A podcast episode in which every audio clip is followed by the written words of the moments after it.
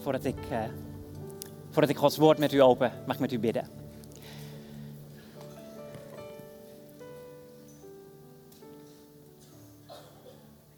Vader, dank u wel voor dat heerlijke offer dat u hebt aanvaard.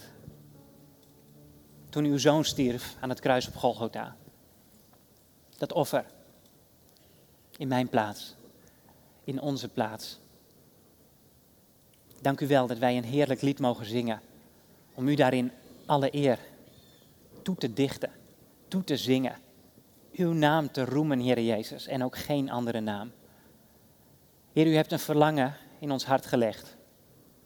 U hebt dat zelf gedaan. En het is een wonder van uw kant dat wij zeggen we houden van u en wij weten ons door u gewonnen.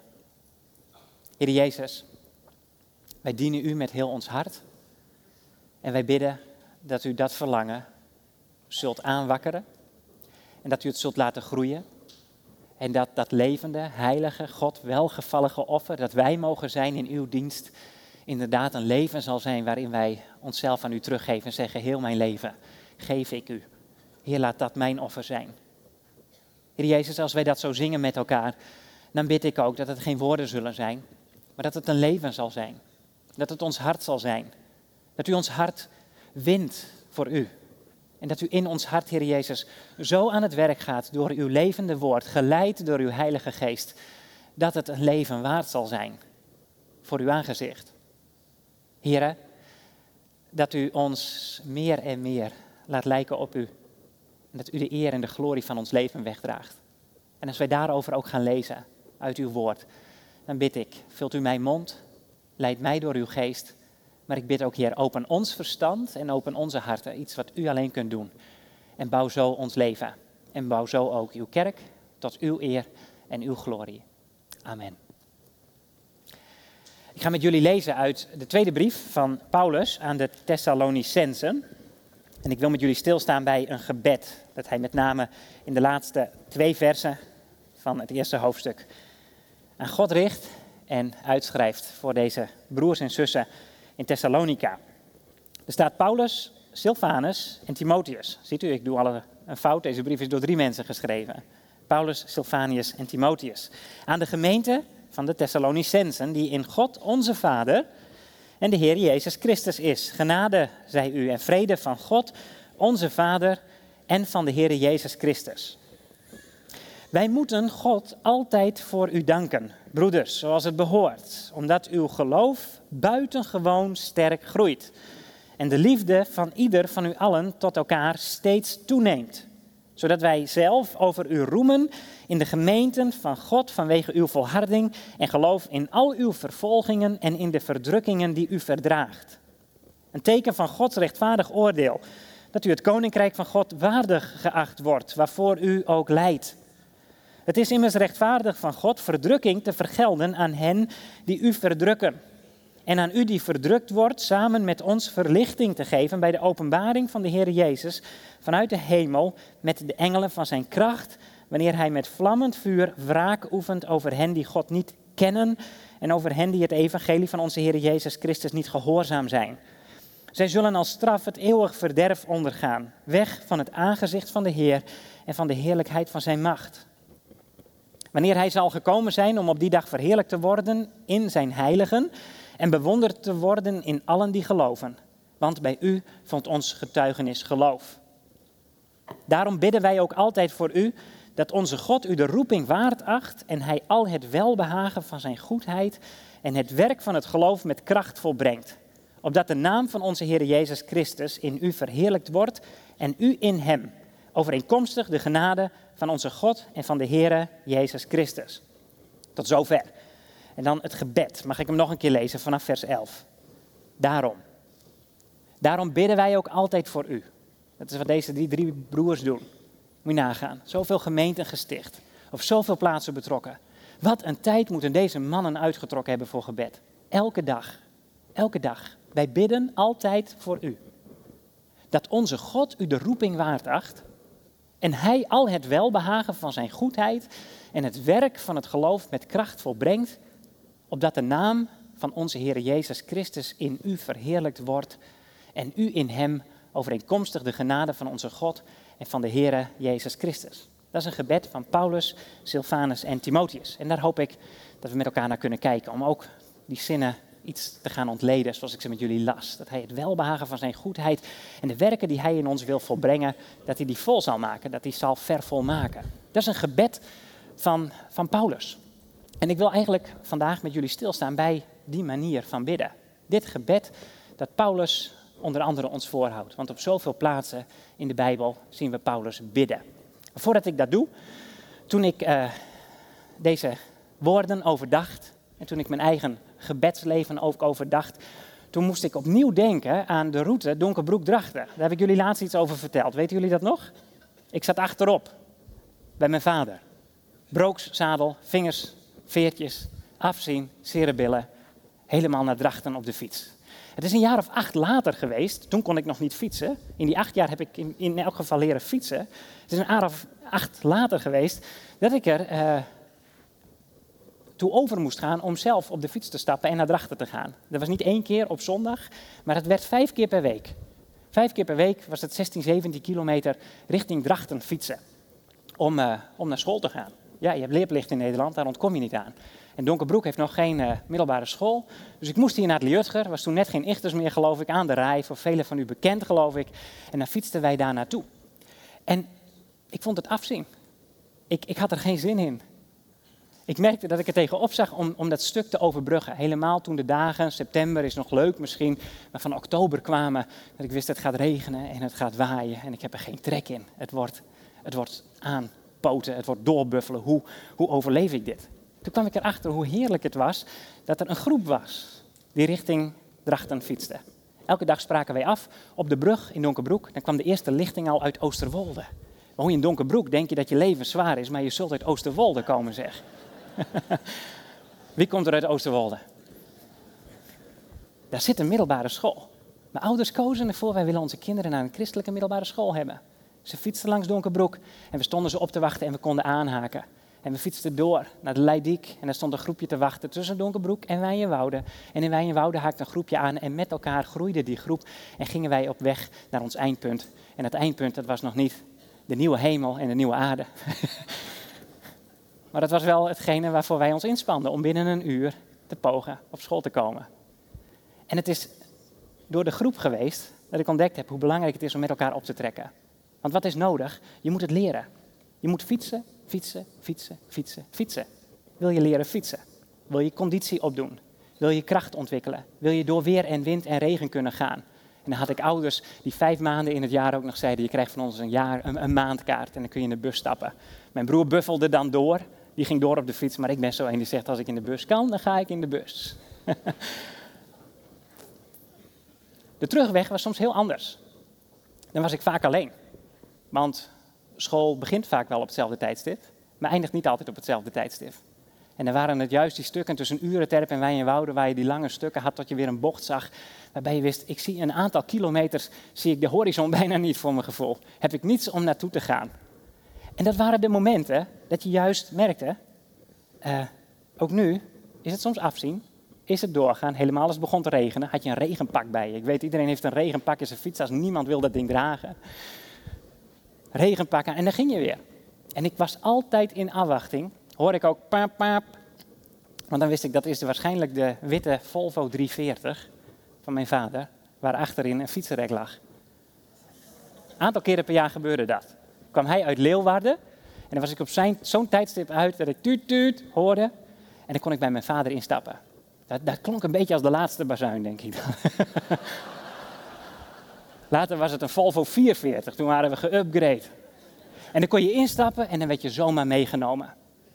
Weet je, het leven dat de Heere God ons hier geeft, is een leven waarin hij sowieso zegt, er zijn momenten dat je met elkaar opfietst. Dat je de kracht van een tour-etappe waarin je in het peloton fietst, zult ervaren. Er zijn momenten in jouw leven dat je denkt alleen te fietsen dat de groep misschien nog op school blijft of dat de groep al vooruit is, straks met hetzelfde eindpunt in zicht, weer zijns weegs gaat, maar waarin jij nu merkt, ik ben alleen. Zo maak je het in je leven ook mee. Je hebt elkaar als broers en zussen gekregen. Paulus, Silvanus en Timotheus die bidden voor deze broers en zussen in Thessalonica. Ze hebben ze moeten loslaten. En het kan soms voelen als een voorganger gaat dat je denkt, wat blijven we nu nog? Dat moet voor Paulus ook zo geweest zijn, denk ik. Als hij weer vertrok, Heere God, ik, ik draag ze aan u over en ik, ik, ik vertrouw u, maar ik moet loslaten. Maar hij blijft bidden. En hij blijft optrekken met elkaar. En samen, zegt hij, bidden wij elke dag voor jullie. En dan danken we de Heer voor wat we bij jullie zien. Maar wij weten ook, lieve broers en zussen, dat er momenten zijn in ons leven dat we ons alleen voelen. En dat niet alleen omdat we als broers en zussen soms elkaar uit het oog kwijtraken in de drukte van het bestaan waarin we staan of door omstandigheden waarin we zelf worden afgeleid. Maar zelfs omdat we merken hoe lief wij elkaar ook hebben en hoe goed we elkaar ook wel kunnen vasthouden als wij trouw samenkomen tenminste, dat het ook zo kan zijn dat het diepste wezen van ons leven niet gedeeld wordt met iemand anders, kan worden dan alleen degene die ons ten diepste begrijpt. En dat is de Heer Jezus. Die fietste wel met mij mee. Die was altijd met me. En wat had ik mooie gesprekken en wat was dat een oefening, niet alleen in fietsen, maar ook een oefening in bidden. Als ik dan dat stuk alleen naar huis mocht fietsen en met de Heer kon praten. En ik ben dat altijd blijven doen. Als ik op Tessel ook fietste, door weer en wind, en het kan waaien daar, had ik de mooiste gesprekken met de Heer. Juist omdat het ritje iets langer duurde en je eindelijk even alleen bent. En het kan zo zijn dat je soms alleen bent of lijkt te staan in je geloofsleven en denkt, met wie kan ik delen en wie kan nu voor mij uitgaan? Dat de Heer zegt, klamp je aan mij vast. Ik haal je straks in en ik heb het fietsenrek bij me. En dan hoor je een bazuin en dan, dan, dan neem ik je mee naar het eindpunt. Dan zit de tijd erop. Ik moest leren fietsen, fietsen, fietsen en routine opdoen. En Paulus zegt, ik, ik bid voor jullie en wij doen ons voordeel ermee om te kijken naar Paulus, die weet wat het is. Niet om te fietsen, fietsen, fietsen, hij heeft geen fiets gekend. Die weet wat het is om te bidden, om te bidden en om te bidden. Zoals de Heer Jezus het ons ook heeft geleerd. Zijn vrienden vragen aan hem, Heer, leer ons bidden. We luisteren altijd naar mannen die op de hoeken van de straten staan en prachtige volzinnen uitspreken. We kijken naar, naar volken waar gebeden wordt, waar gemeend wordt dat, dat de goden gepaaid moeten worden met formuleringen en formules. En Jezus waarschuwt daarvoor, hij zegt, doe dat niet. Je hoeft niet gekend te worden door anderen om jouw prachtige volzinnen. Maar meen ook niet zoals de heidenen dat je, dat je mij, of dat je die Heer, God in de hemel kunt paaien door het nog een keer uit te spreken. Of het dan maar met die formulering of die formulering te claimen en te zeggen, maar dan moet God wel luisteren. Zo ben ik niet. Leer mij kennen als jouw vader. Zoals Paulus het hier ook oppakt. Wij danken onze Vader. Leer jouw Vader in de hemel kennen, zegt Jezus. Jezus is de Zoon. Hij zegt, bid tot jouw Vader in de hemel. Leer hem kennen en zeg dan, onze Vader, wij met elkaar. Die in hemel is, uw naam worden geheiligd, uw koninkrijk komen, uw wil geschieden, gelijk in de hemel, alzo ook op de aarde. Geef ons vandaag ons dagelijks brood. Heren, vergeef ons onze schulden, zoals ook wij vergeven wie ons iets heeft aangedaan, en verlos ons van de boze. Want van u is het koninkrijk en de kracht en de heerlijkheid. Dat is, een, dat is een model dat de Heer Jezus aan ons geeft. Ook het Onze Vader is geen mantra, zoals het gebruikt kan worden. Bid het Onze Vader 20, 30, 60, 100 keer. En dan zal die luisteren, flauwekul. Het Onze Vader is door de Heer aan ons geleerd om te leren dat wij mogen optrekken met Onze Vader. En Hij geeft ons een blauwprint van de wijze waarop we mogen wandelen met Hem. En zo, zo probeer ik thuis te groeien in gebed. Samen met Leonie en de jongens. En om zijn beurt bidden wij. Ook aan tafel, hardop. Als je, als je misschien dat nog niet gewend bent, kinderen, daag je ouders maar uit. Zullen we samen hardop gaan bidden? Zullen we het leren met elkaar? Zullen we, zullen we stapjes nemen en luisteren naar onze eigen stem wanneer wij te beginnen te praten met onze Vader in de hemel? Het is een rijkdom. En soms, in alle fijngevoeligheid en in alle liefde, ja, dan proberen we onze gebeden ook uh, voor te bereiden of te analyseren. En uh, ik lees een prachtig boek over gebed van Don Carson. En die, die schrijft: Pray until you pray. Bid tot je bidt. En hoe vaak heb ik het in mijn eigen hart niet meegemaakt. Dat op die momenten dat ik op mijn knieën ging en ik begon te bidden met de Heer. En ik heb jullie er wel vaker van verteld. Ik op het moment dat ik opstond dacht ik kan wel opnieuw op mijn knieën gaan en nog een keer beginnen. Want in mijn gebed werd ik zo afgeleid door mijn zorgen en mijn angsten en al mijn omstandigheden. Dat ik eigenlijk terug moet gaan naar de Heer en zeggen, Heer ik moet even een harde reset. Want hoe was het ook alweer? En zo zitten we soms te praten met elkaar als wij als we met elkaar spreken. Waar zullen we voor bidden? Wat mogen we aan de Heer geven? En dan komen de gebedspunten. We bidden voor Matinou, stevast. Matinou is het jongetje dat wij voor Compassion mogen sponsoren in Burkina Faso. En dan komt daar een gebed uit voort dat de Heer alle kinderen die geen eten en drinken en opleiding hebben wil zegenen. En dat de oorlog mag stoppen. En dat die zal komen.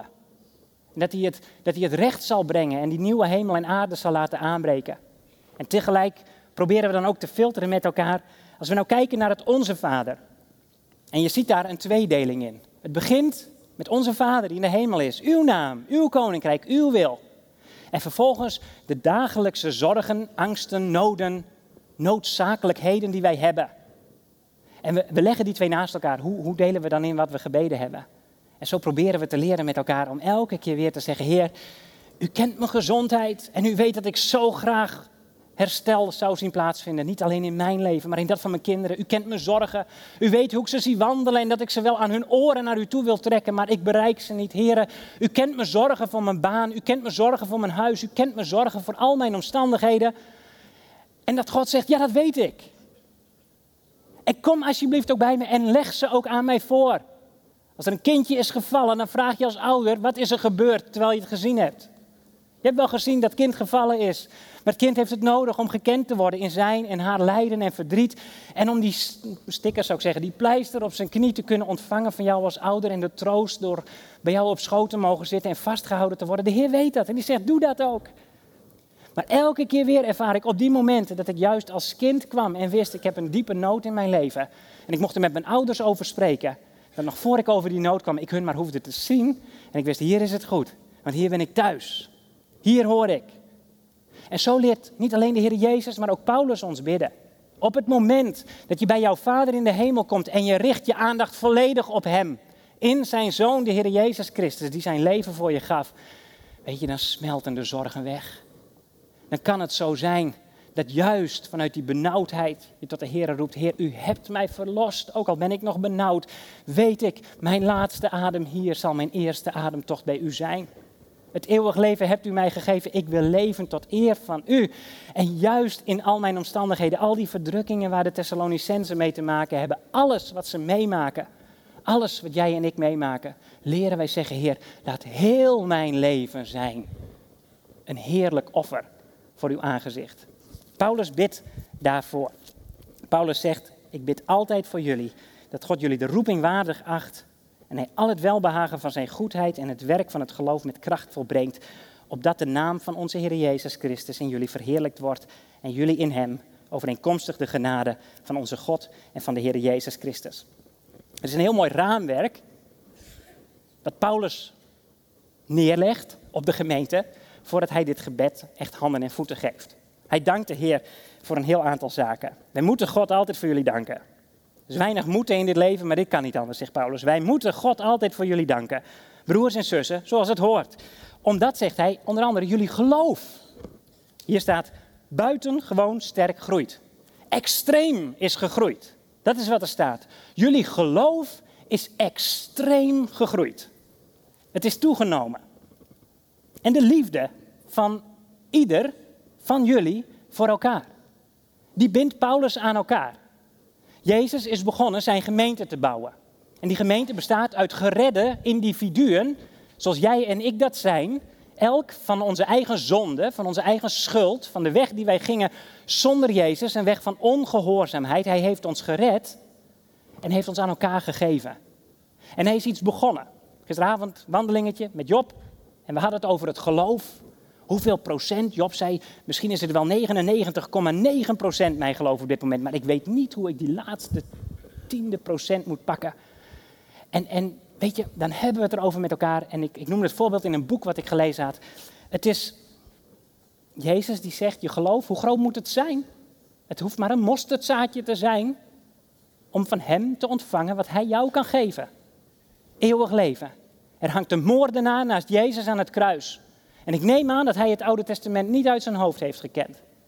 Maar dat hij wist waarom hij daar hing en dat er redding was in het kennen van de Zoon van God, die op dat moment naast hem genageld hing aan het kruis. En het enige wat hij zei in zijn wanhoop was: Heer, denk aan mij als u in uw koninkrijk komt. En Jezus zei: Vandaag nog zul jij met mij in het paradijs zijn. Je geloof kan klein beginnen, je geloof kan toenemen. Maar het is niet de mate van jouw geloof die zal bepalen of jij straks de drempel van de eeuwigheid zult overstappen. Het is de mate van Jezus geloof. Het is zijn trouw. Het is Hij die ons redt. Ik las het voorbeeld, dat zei ik, van een man die in het vliegtuig stapt met weinig vertrouwen en die zit te bibberen in de bankjes. En naast hem zit een kerel die zijn hele leven al vliegt en die geen zorgen heeft over het wel of niet aankomen op het punt van bestemming. De vraag of ze aankomen hangt niet af van het kleine geloof of het grote geloof dat één van beide mannen heeft. De vraag of ze aankomen op de plaats van bestemming hangt af van de vraag of de piloot en het vliegtuig te vertrouwen zijn. Wel, lieve broers en zussen, wij hebben een vliegtuig en een piloot die te betrouwen zijn, die te vertrouwen zijn, onze Heer Jezus. En Hij zal zorgen dat wij er komen. En ook al fietsen we op dit moment misschien alleen en zien wij de horizon nog niet, straks horen wij die bazuin. En dan zegt hij, stap in, want de tijd is om. Het is klaar, je mag met me mee. Ik breng jou waar je zijn moet. En als bij donderslag zullen wij veranderd worden in een oogwenk op de dag van de Heer en een nieuw lichaam krijgen. En het zal voorbij zijn. Paulus zegt, ik dank de Heer dat ik bij jullie Thessalonicense, hoewel het klein mag zijn begonnen, een extreme groei in geloof heb gezien. En waaruit blijkt dat? Uit het feit dat jullie van elkaar houden. Dat jullie voor elkaar gaan. En het blijkt uit het feit ook dat jullie verdrukkingen mee te maken hebben. Want God heeft al gezegd, ze hebben mij vervolgd. Jezus, ze zullen jou vervolgen. Wie Jezus volgt, die zal zelf vervolging meemaken. Als de gemeente van Jezus Christus, zoals wij dat willen zijn, trouw wil blijven aan zijn woord. En niet mee wil gaan in de vaart der volkeren. Of uitleggingen van de schrift waarbij we zeggen we moeten luisteren naar wat de wereld ons zegt in plaats van naar wat God ons zegt. En de norm wordt de wereld in plaats van de norm blijft de Heer Jezus Christus en zijn woord alleen dan zullen wij in deze wereld verdrukkingen te doorstaan krijgen. En de tijd is kort. En Satan weet dat zijn tijd kort is. En we mogen verwachten met elkaar dat als wij trouw willen blijven aan de Heer Jezus Christus, dat er verdrukkingen zullen komen over zijn huis. En Paulus zegt het is een bevestiging. Het is een bevestiging van het feit dat God bezig is. Dat hij doende is zijn huis te bouwen. Put daar dan kracht en put daar dan moed uit. Want degenen die jullie nu verdrukken, ze zullen zelf verdrukt worden. En dat heeft ermee te maken, zegt Paulus, dat zij God niet kennen. Je mag hier vertalen dat zij God niet erkennen. God wil iedereen zeggen, ik ben de Heer die de hemel en de aarde heeft gemaakt. Ik heb voor jou mijn zoon naar deze wereld gestuurd. Ik heb voor jouw zonden mijn zoon laten sterven aan een kruis. De enige die er niet in komt, de enige die niet voor mijn aangezicht zal verschijnen, die mijn heerlijkheid niet zal meemaken, dat zal diegene zijn die zal blijven zeggen, ik leef toch liever voor mezelf. Ik ontken u. Ik erken Jezus Christus niet. Dat zullen degenen zijn die het de kerk het allerzwaarst zullen willen maken door de kerk te verdrukken. Maar God zegt, voor jullie is de verdrukking nu een tijdelijke kastijding en een bewijs van het feit dat je een kind van God bent. Maar er zal straks een eeuwige vergelding plaatsvinden. En voor wie erkent heeft Jezus Christus, ik had het niet gered. Ik was ten dode opgeschreven zoals Paulus dat zelf heeft geweten. Hij is een verdrukker geweest. Paulus heeft de kerk van Jezus Christus eigenmachtig de nek willen omdraaien. Totdat hij geroepen werd. Er is hoop voor elk mens nu, vandaag, om Jezus te gaan erkennen. Maar het zal die erkenning en die erkenning alleen zijn die ons zal doen zeggen: Heer, wij weten zeker dat ons geloof gestoeld is op waarheid en dat wij met u in de eeuwigheid zullen zijn. Dat is het raamwerk waarin Paulus dankt. Hij weet, er is, er is uitzicht. We gaan ergens naartoe met elkaar. Jullie geloof groeit extreem. Jullie liefde voor elkaar neemt toe. Daar zie ik het in. En de verdrukking is er.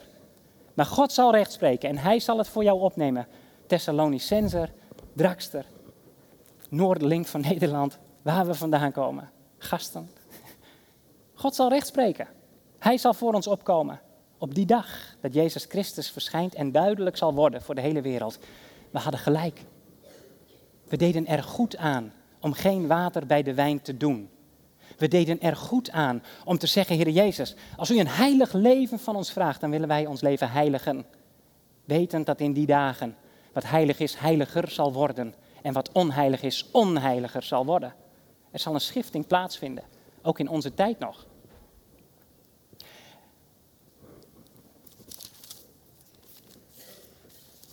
Hij valt steeds terug. Florence May Chadwick, dat wilde ik u vertellen. Die naam had ik opgeschreven. Hebt u van haar gehoord? Florence May Chadwick, wie kent haar? 1918 geboren, 101 jaar geleden, in 1952, zwom zij van Catalina Island naar California. 26 mijl. Hoeveel kilometer is dat? 1,6. Reken maar uit. Heel stuk. moest zij zwemmen. Ze had het kanaal al overgestoken als eerste vrouw op deze planeet. Zij had zich voorgenomen, ik wil dat stuk van Catalina Island, wil ik naar California, wil ik zwemmen. Ik wil het volbrengen. Ze werd bijgestaan door bootjes aan weerszijden. Haar moeder zat erin, haar coach zat erin. Er zaten mensen die keken, zijn hier ook haaien in dit gebied. In de Waddenzee zwemmen die weinig. Ik heb ooit overwogen om naar Texel te zwemmen, ik heb het allemaal niet gedaan. Ik had de boot gemist. en ze zwom, en ze zwom, en ze zwom. En de mist zette op en ze zag niets meer. En ze raakte uitgeput. Na 15 uur zwemmen zei ze, ik moet eruit. Haar coach zei, ga door, ga door, ga door. Ze werd gestimuleerd om door te gaan. Uiteindelijk zei ze, alsjeblieft, til me uit dit water. En ze werd eruit getild om erachter te komen dat ze nog een halve mijl had moeten zwemmen. En dan was ze op de plaats van bestemming geweest. Een tijdje later heeft ze het opnieuw gepoogd en zich voorgenomen, ik, ik ga mij een vooruitzicht stellen. Elke keer wil ik een denkbeeldige horizon in gedachten hebben. En daar zwem ik naartoe. En ze heeft het volbracht. Paulus schildert ons hier die ultieme horizon, die lijn die wij voor ogen moeten hebben. Er komt een eind. We kunnen doorgaan. De bazuin zal klinken. Jezus Christus, hij zal komen.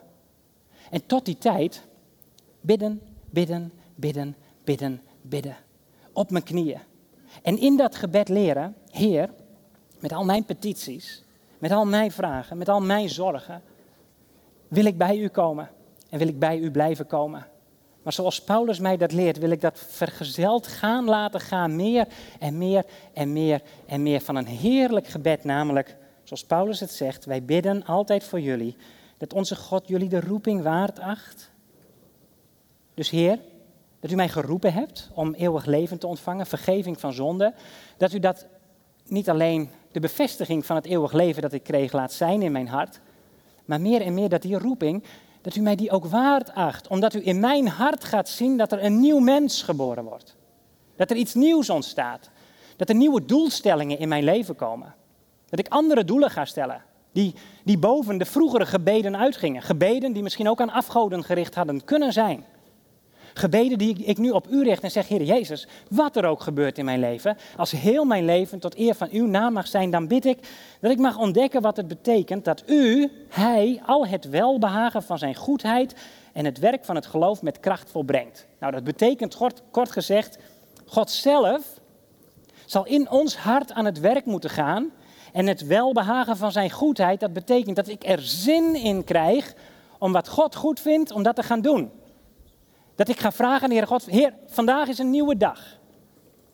Ik heb er zin in en die zin die moet u aanwakkeren in mijn leven om vandaag uw naam bekend te maken. Is er ook iemand in mijn straat die u nog niet kent, maar die misschien onlangs zijn of haar partner heeft verloren, naar wie ik toe mag gaan om een kop koffie te drinken en te zeggen, ik ben jouw buurman, ik ben jouw buurvrouw. Kunnen wij elkaar ook leren kennen en kan ik iets voor je betekenen? Weet je, ten diepste heb ik je misschien niet te bieden wat je in eerste instantie zou verwachten. Maar ik sla een arm om je heen en of het vroeg of laat is, ik ga je zeggen, je hebt Jezus nodig. Want Hij kan je het echte leven geven. Zijn er ook mensen in jouw, in jouw leven, bij jou op de werkvloer, bij jou in de klas? Zijn er ook naar wie jij toe mag gaan om te zeggen, ik, ik breng je hemels brood. Je hebt Jezus nodig, je mag Hem leren kennen. Of als je nadenkt over, over dit huis, waarvan het ons gebed is dat die nog extreem zal groeien in geloof. En dat in die extreme groei van ons geloof liefde zichtbaar zal worden. Dat wij daarom gaan zeggen, met het oog op een nieuw seizoen, Heer, er zijn kinderen en er zijn tieners en er zijn auto's en er zijn senioren en er zijn zoveel plekken in dit huis Geef mij een verlangen om het welbehagen van uw wil te doen. Geef mij een verlangen om met de gaven en talenten die u mij hebt gegeven, heel mijn leven ook hier in dienst van u te stellen en te zeggen, ik ga ervoor. Want het is God die dit verlangen in mij heeft gelegd, zodat ik ook niet over drie maanden zeg, nou ik knap ook alweer af, want ze hebben niet gedaan wat ik verwacht had. Maar dat we kunnen zeggen, ik geef mijn leven eraan, want ik heb Jezus ontdekt. Ik heb Hem leren kennen. Ik wil mijn wil op Zijn wil afstemmen. Hij werd niet begrepen, Hij werd nooit begrepen. Ik word niet altijd begrepen, maar ik ga voor Jezus. Ik ga achter Hem aan en ik wil Zijn wil leren kennen in dit huis. En ik wil hier mijn broers en zussen leren kennen. Misschien is dit een seizoen dat je zegt, ik ben één of twee jaar niet geweest, maar ik ga mijn broers en zussen van mijn huiskring weer serieus nemen. Ik ga voor ze zorgen. Door er te zijn en onder andere te zeggen, maar je hebt Jezus nodig. En we gaan samen op onze knieën en we gaan bidden om, om zijn naam en om zijn koninkrijk en om zijn wil. En we gaan samen kijken, kunnen we samen niet een boterham smeren? En kan ik je niet opzoeken? Kan ik niet mijn armen om jou heen slaan en zo de liefde van Jezus Christus zichtbaar laten worden? Dat is het verlangen dat Paulus in Thessalonica neerlegt. En dat is het verlangen vanuit het bidden dat God ons zijn roeping waard zal achten. Dat wij samen in ons midden neergelegd mogen zien worden vanuit Gods woord.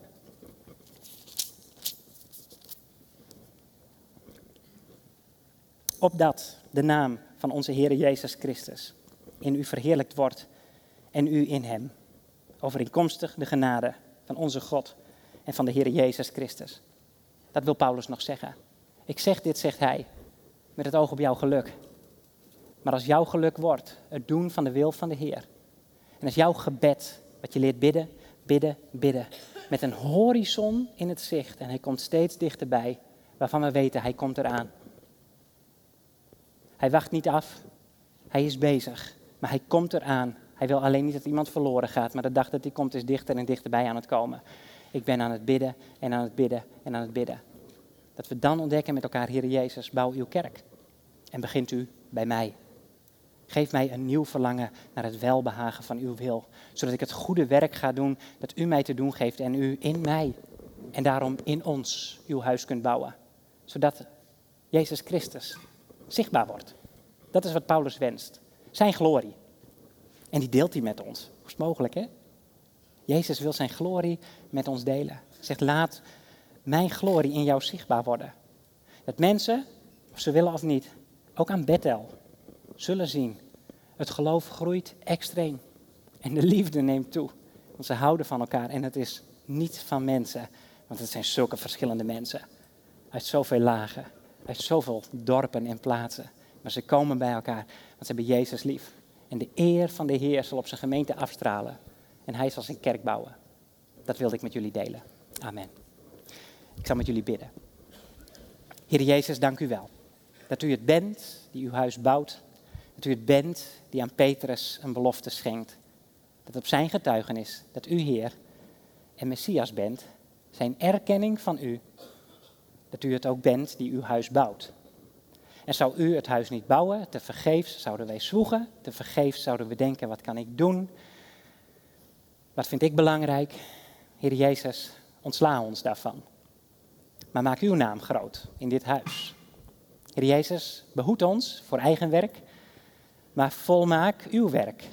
Heilige Geest, geef dat wij vol zullen zijn van Jezus Christus, van wie u wilt dat wij gaan lijken op Hem. Heren, grijp ons aan, schenk ons uitzicht, geef ons kracht en genade voor vandaag. Leid ons in het weggaan van onszelf en in het groeien naar U. En kom tot uw doel. Heer, bouw uw kerk. In Jezus' naam. Amen.